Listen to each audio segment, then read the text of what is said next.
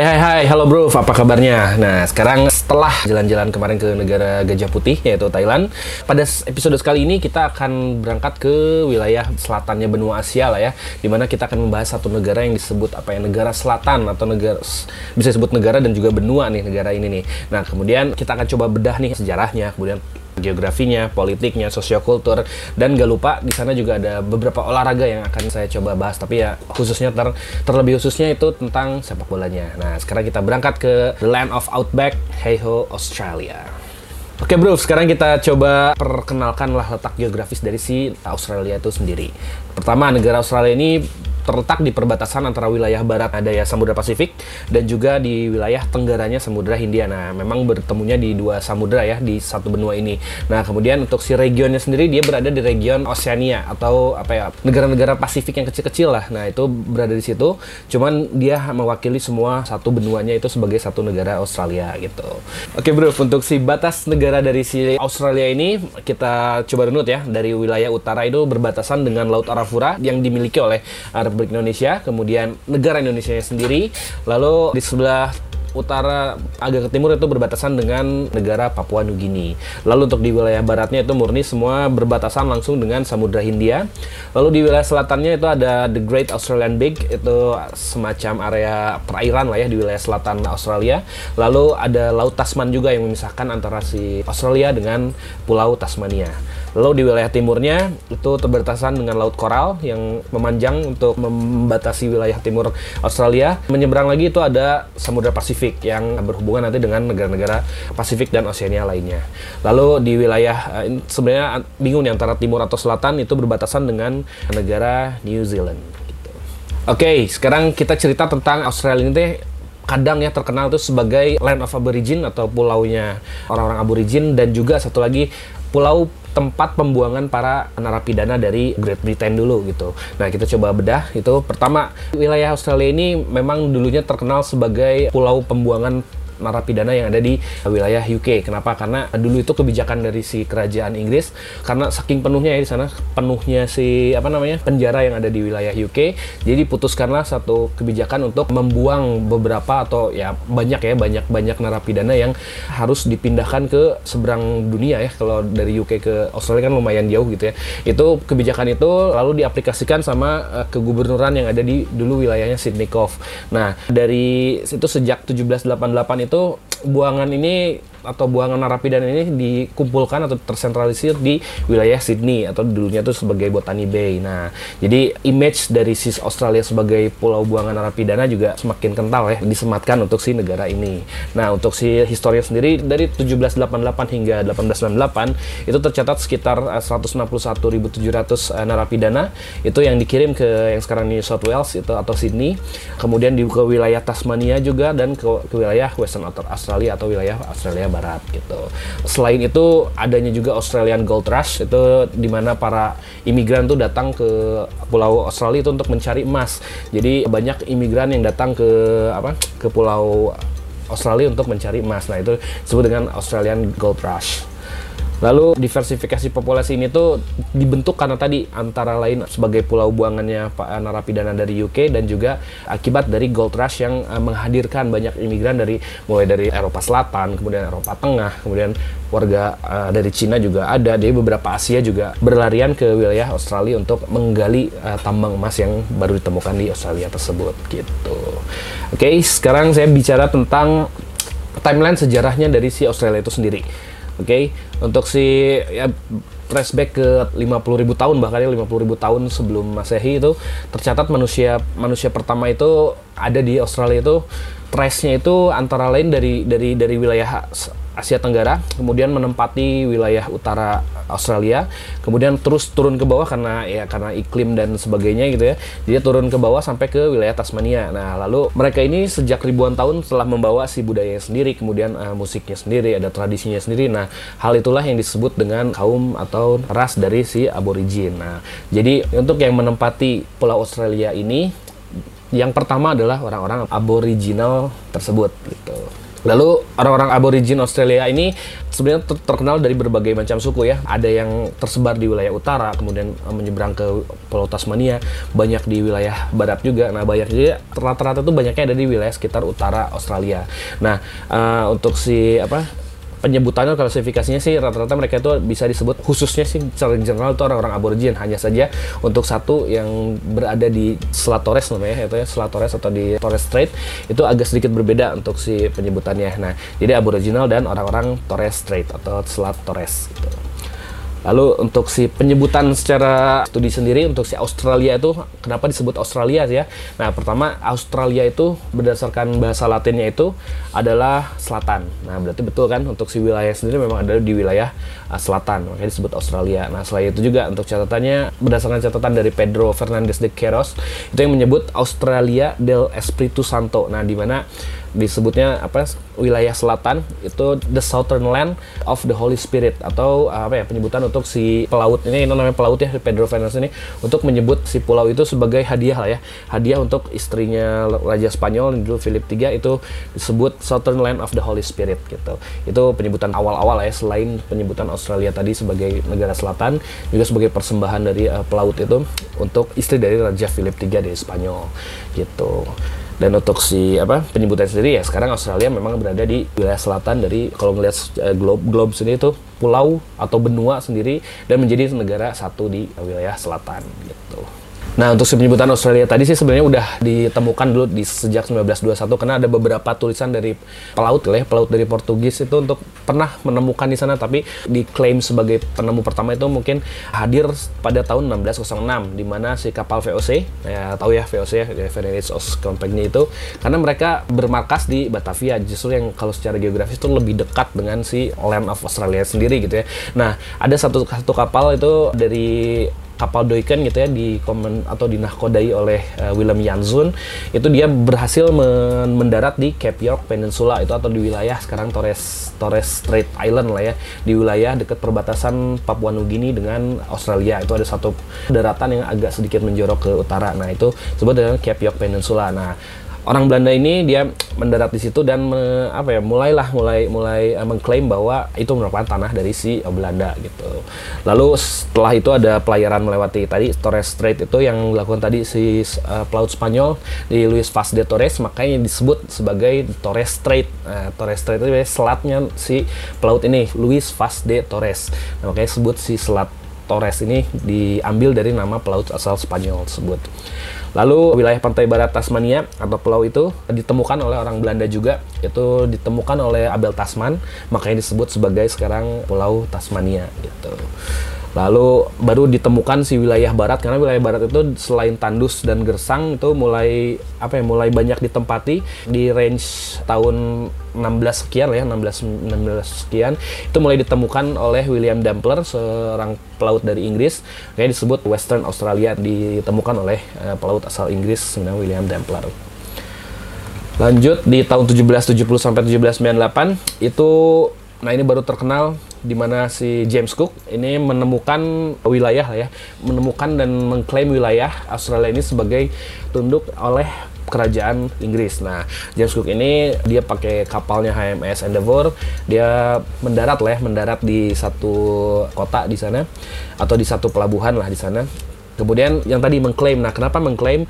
Karena dulu itu di sistem ya sistem hukum internasional ya itu pernah disebut namanya konsep terra nullius atau unknown land. Jadi kalau di konsep hukum internasional itu disebut dengan terra nullius. Terra nullius itu di mana tanah yang belum diklaim oleh beberapa atau di, diklaim oleh satu negara itu bisa diklaim oleh yang menemukannya gitu. Nah, di sinilah si konsep terra nullius ini dipakai oleh James Cook di mana dia berhasil mendarat di wilayah Australia khususnya sih di daerah-daerah dekat di dekat sini lah ya di daerah timur. Nah, sehingga si tanah tersebut langsung diklaim oleh James Cook dan menjadi atau tunduk di bawah pemerintahan dari si kerajaan Inggris. Nah, makanya kenapa James Cook disebut sebagai penemu dari si Pulau Australia gitu. Padahal kan sejarahnya lumayan banyak nih di belakangnya sebelum penemuan dari si James Cook tersebut gitu.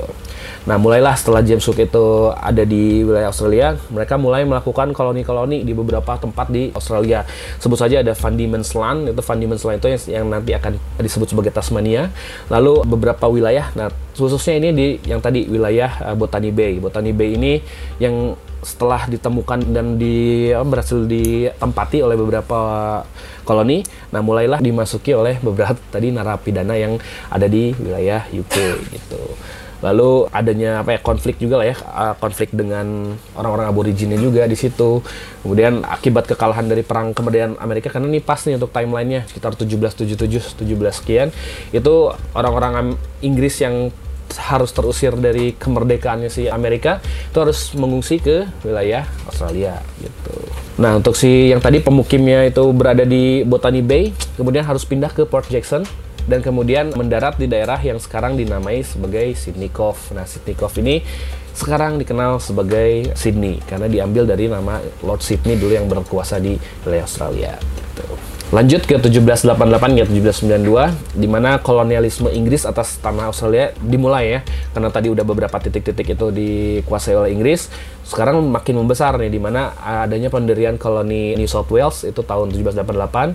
Kemudian akibat tadi klaim pertama yang di apa New South Wales itu di ya istilahnya dikibarkan lah ya bendera Inggris itu pertama kalinya pada tanggal 26 Januari 1788 sehingga sampai sekarang disebut sebagai Australian Day di 26 Januari itu tiap 26 Januari itu disebut sebagai Australian Day gitu. Lalu mulai berdatangan narapidana-narapidana dari UK tersebut mulai me mengisi lah ya tempat-tempat di wilayah si Sydney tersebut. Nah, tugas dari si narapidana itu selain mereka sebagai buangan gitu ya, warga buangan dari UK, nah dia pun harus setidaknya membantu koloni-koloni tersebut untuk membangun si kota-kotanya. Jadi tidak hanya dihukum gitu ya. Jadi sebagai alat bantu lah ya, sebagai orang-orang yang diperbantukan untuk membangun si koloni di sana gitu. Lalu tahun 1789 juga dibentuk tuh, dibentuk namanya NSW Corps atau Corps New South Wales atau ya semacam angkatan bersenjata New South Wales ya. Jadi satu koloni itu bisa mengangkat angkatan bersenjata untuk menjaga perdamaian lah ya, atau menjaga wilayahnya dari si uh, serangan musuh. Bisa saja orang-orang Belanda juga bisa masuk ke situ gitu ya. Gitu. Lanjut ke 1820 1850. Ini di mana wilayah Inggris nih mulai menguasai tadi wilayah sekitar Sydney dan Pulau Tasmania sehingga populasi juga meningkat dan pengiriman narapidana dari UK juga semakin besar gitu. Nah, jadi mulai ber apa ya menjamur lah ya orang koloni-koloni Inggris ini oleh orang-orang buangan dan juga uh, pemukim asli yang ada di uh, wilayah New South Wales atau di wilayah selatan gitu. Lalu kemudian ada profesi dari si pemukim sebenarnya sedikit beralih yang dulunya sebagai peternak, yang dulunya sebagai apa namanya si ya membangun kembali ke wilayah peternakan karena permintaan untuk si ekspor wool itu meningkat di dari Australia. Nah, jadi karena kondisi geografi dan juga subur gitu ya. Nah, jadi si produksi wool ini dibutuhkan dan meningkat si permintaannya dari dunia lah gitu. Oke, okay, selain tadi meningkatnya si produksi wall, nah di si negara bagian NSW pun juga semakin meluas nih ke wilayah utara dan uh, selatan gitu ya, sehingga ini diperlukanlah kayaknya perlu nih uh, si koloni baru gitu ya, selain si New South Wales. Nah, pada tahun 1825 akhirnya lahirlah koloni-koloni baru yang mungkin disetujui oleh si pemerintahan federal waktu itu ya, di mana Van Diemen's Land yang tadi Tasmania itu mulai menjadi koloni terpisah dari si New South Wales. Lalu tujuannya ini sebagai si Tasmania sendiri kan selain tujuannya sebagai tempatnya si narapidana untuk disimpan gitu ya, juga sebagai apa ya sebagai satu pemukiman eh, orang-orang UK dulunya gitu. Nah, jadi mulai beradaptasi lah antara si narapidana dengan pemukim warga UK aslinya dulu di situ. Nah, kemudian pada tahun 1856 si Van Diemen's Land itu resmi berubah namanya menjadi Tasmania. Lalu di wilayah Victoria ini tahun 1937 uh, eh, mulai didirikan si Melbourne itu sebagai wilayahnya untuk mewakili dari si koloni yang bernama koloni Victoria. Nah, kemudian yang mulai beralih lah dari mulai dari New South Wales menuju ke Victoria yang berpusat di uh, dulunya di Port Phillip dan nantinya akan menjadi Melbourne. Lalu di wilayah Western Australia atau di wilayah barat itu berdiri juga tahun 1826 di mana gubernur tadi NSW uh, eh, mengirim pas sebenarnya untuk mengirim pasukan untuk menjaga perbatasan barat karena rentan oleh masuknya orang-orang Belanda dari wilayah barat gitu ya. Nah, makanya di di sana disimpan angkatan senjata. Nah, kemudian pada tahun 1829 ini mulai didirikan atau state sendiri itu namanya the Western Australia gitu. Lalu di wilayah selatan ada South Australia itu didirikan tahun 1836 itu sebenarnya dikhususkan untuk beberapa pemukim yang sudah memiliki apa harta lah ya atau yang well financial gitu. Jadi pemukim yang mem- mem- memiliki uang banyak nah itu rata-rata uh, berada di Southern Australia gitu. Lalu di Queensland atau Queensland itu di wilayah utara ya utara ada ke timur itu tahun 1842 itu mulai didirikan pemukiman di sana yang berpusat di Moreton Bay. Lalu setelah kebijakan untuk tidak lagi mengirimkan narapidana ke Australia, itu mulai dibangunlah eh, pusat-pusat kota di sana atau pusat-pusat ya pusat-pusat apa ya publik lah ya di sana. Di mana di 1857 itu mulai ber- berpisah dari si koloni NSW dan menjadi si koloni Queensland sendiri. Nah, tahun 1859 resmilah Queensland menjadi state sendiri gitu. Kemudian nih untuk si dampak dampaknya apa sih dari si para pemukim pemukiman pemukiman ini yang di apa didatangkan oleh si UK ini terhadap bangsa aslinya di sana karena di situ kan sebenarnya udah ada bangsa asli aborigin ya. Nah ternyata kalau berdasarkan studi sih sebenarnya si para pemukim ini selain membawa pertama itu penyakit karena penyakit dari Eropa datang ke Aborigin ini menyebabkan menurunnya populasi dari warga aborigin itu sendiri. Lalu selain itu juga pasti akan terbitnya konflik-konflik baru dan perebutan wilayah jelas karena memang koloni ini selain untuk membutuhkan wilayah atau ya luas cakupan wilayah yang besar juga pasti akan menyisihkan warga-warga asli di Australia. Lalu selain perlindungan ya perlindungan mungkin ada aja ya warga asli yang meminta perlindungan dan juga meminta support dari pemerintahan koloni di sana gitu. Nah itulah tiga dampak yang menjadi pertanyaan lah ya, kenapa si aborigin selain tersisih juga ada beberapa yang mungkin sedikit pro dengan pemerintahan koloni di Australia gitu. Lalu mulailah 1851 sampai 1900 ini mulailah Australia menuju modern. Nah, di mana 1843 itu dilakukan pemilihan atau pileg lah, pileg pertama itu di New South Wales. Lalu 1850 baru undang-undang pemerintahan koloni Australia disahkan dan membentuk koloni yang membentuk si kegubernuran baru lah ya. Nah, di mana tadi Van Diemen's Land, terus South Australia dan Victoria gitu. Lalu di tahun-tahun tersebut juga adanya si Australian Gold Trust. Nah, di mana Australian Gold Trust yang tadi saya sebutkan di awal, di mana hadirnya para imigran dari wilayah Eropa Selatan, Eropa Tengah, dan di Cina itu maraknya datang ke Australia karena penambangan emas sehingga menjadi booming ya apa population booming ya meningkatnya populasi di wilayah Australia di mana pada 1851 diberlakukanlah kebijakan oleh si kerajaan Inggris di mana pembatasan pengambilan emas oleh imigran dan harus dilaporkan itu harus dilaporkan berapa yang boleh dibawa oleh imigran ke uh, rumah untuk dijual gitu. Nah, untuk si berdatangannya si imigran ini. Itu yang tadi selain sebagai diversifikasi populasi di Australia juga membawa ciri khas dan kebiasaannya mereka masing-masing di Australia gitu. Dan menjadikan kota Melbourne pada tahun 1861 itu sebagai kota terpadat di Australia akibat dari si Australian Gold Rush tersebut di 1 Januari 1901, nah mulailah diresmikan nih namanya Konstitusi Australia di mana ada pembentukan tadi Federasi Australia. Lalu Federasi Australia atau nanti akan negara, Australia ini dibentuk oleh enam koloni yang self governing lah atau pemerintah sendiri lah ya. Nah, enam, enam state itu nanti akan membentuk satu persemakmuran. Nah, pada awalnya si Konstitusi Australia ini sebenarnya diikuti oleh si Fiji dan New Zealand. Tapi dua dua negara ini menolak bergabung dengan si Australia. Jadi hanya enam dari 6 state saja yang membentuk negara Australia. Nah, itu pada tahun 1 Januari 1901. Kemudian lanjut ke 40 tahun setelahnya itu Perang Dunia Satu ya karena mengikuti kebijakan dari UK ya karena dia merupakan Commonwealth dari si UK. Jadi begitu si UK menyatakan perang dengan Jerman, Australia pun mengikuti memiliki musuh dengan Jerman pula gitu. Tahun 1926 juga meraih status berdaulat penuh dari si kerajaan UK dan ya berstatus apa ya domi, bukan lagi dominion dari UK jadi hanya sebagai anggota dari si persemakmuran itu tahun 1926 lalu untuk perang dunia kedua juga sama dia mengikuti dari kebijakan dari UK yang sama tadi perang terhadap Nazi Jerman nah itu sejarah dari si Australia sampai sekarang. Nah di mana si sejak tahun 1901 itu diresmikannya si sistem perdana menteri. Nah perdana menteri itu ya beberapa perdana menteri lah yang terkenal di Australia. Itu pertama ada si Paul Keating, kemudian John Howard, ada si uh, Kevin Rudd, terus ada Julia Gillard yang wanita ya, terus ada Tony Abbott dan terakhir di si Anthony Albanese. Oke, untuk si wilayah administratifnya sendiri, Australia ini terbagi atas 16 state dan region atau 16 states and territory lah ya. Di mana ada enam negara bagian yang memisahkan Australia dari beberapa itu. Pertama ada New South Wales, itu ada beribu kota di Sydney. Lalu ada Victoria di ibu kota di Melbourne. Queensland di utara itu beribu kota di Brisbane. Ada Western Australia itu di Perth. South Australia itu beribu kota di Adelaide kemudian di Pulau Tasmania itu beribu kota di Hobart. Nah, kemudian ada tiga teritorial khusus yang ada juga di wilayah Australia. Yang pertama itu ada Australian Capital Territory atau apa ya kayak daerah khusus ibu kota ya.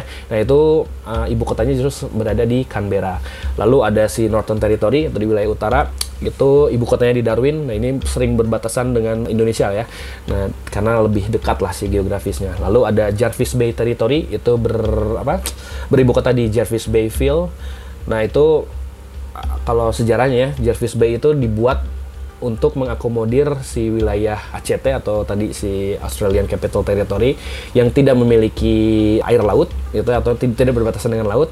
Nah, dia dibuatlah si teritori khusus itu namanya Jarvis Bay Territory biar si ACT ini bisa memiliki batas laut. Nah, itu disebutlah si Jarvis Bay Field gitu.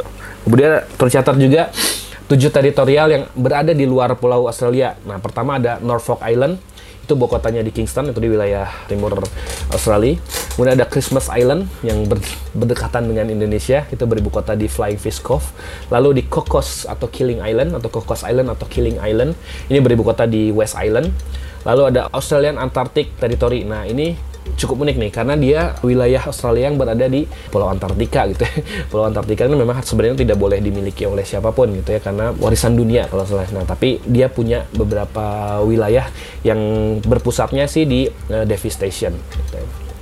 Lalu ada Coral Sea Island itu di luar pulau Australia, ada Ashmore and Cartier Island, dan terakhir ada Heard Island dan McDonald Island. Ini ibu di Atlas Cove gitu luas wilayah Australia itu ada berapa sih? Luas wilayah dari Australia itu tercatat sebesar 7.692.024 km persegi.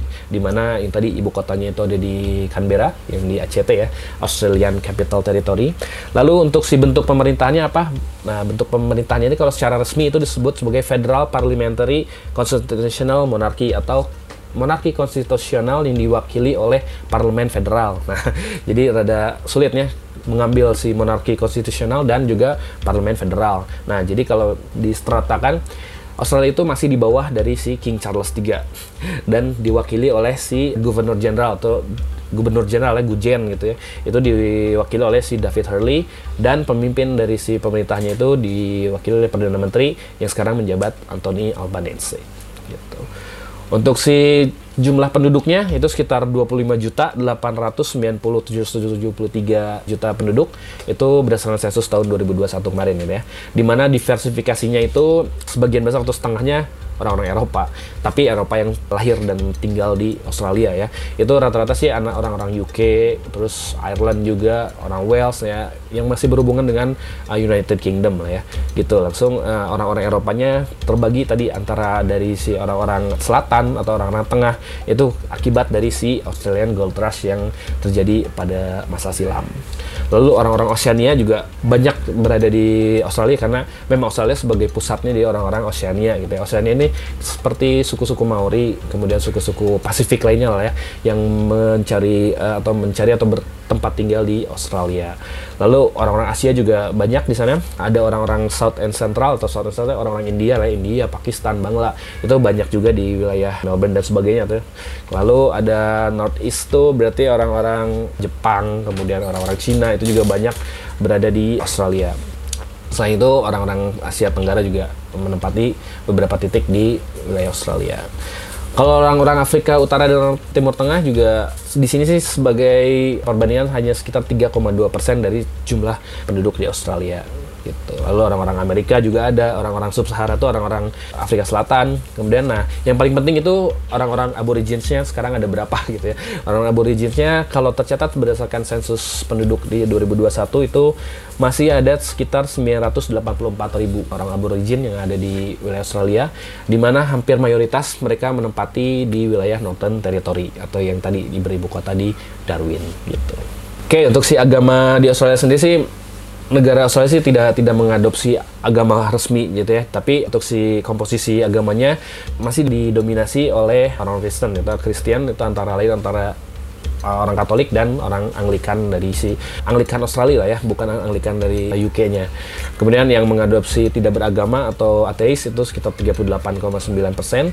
Lalu untuk Islamnya ada di 3,2 persen, Hindunya di 2,7 persen, Buddha di 2,4, orang-orang Sikh juga ada 0,8 dan terakhir di orang-orang Yahudi di 0,4 persen.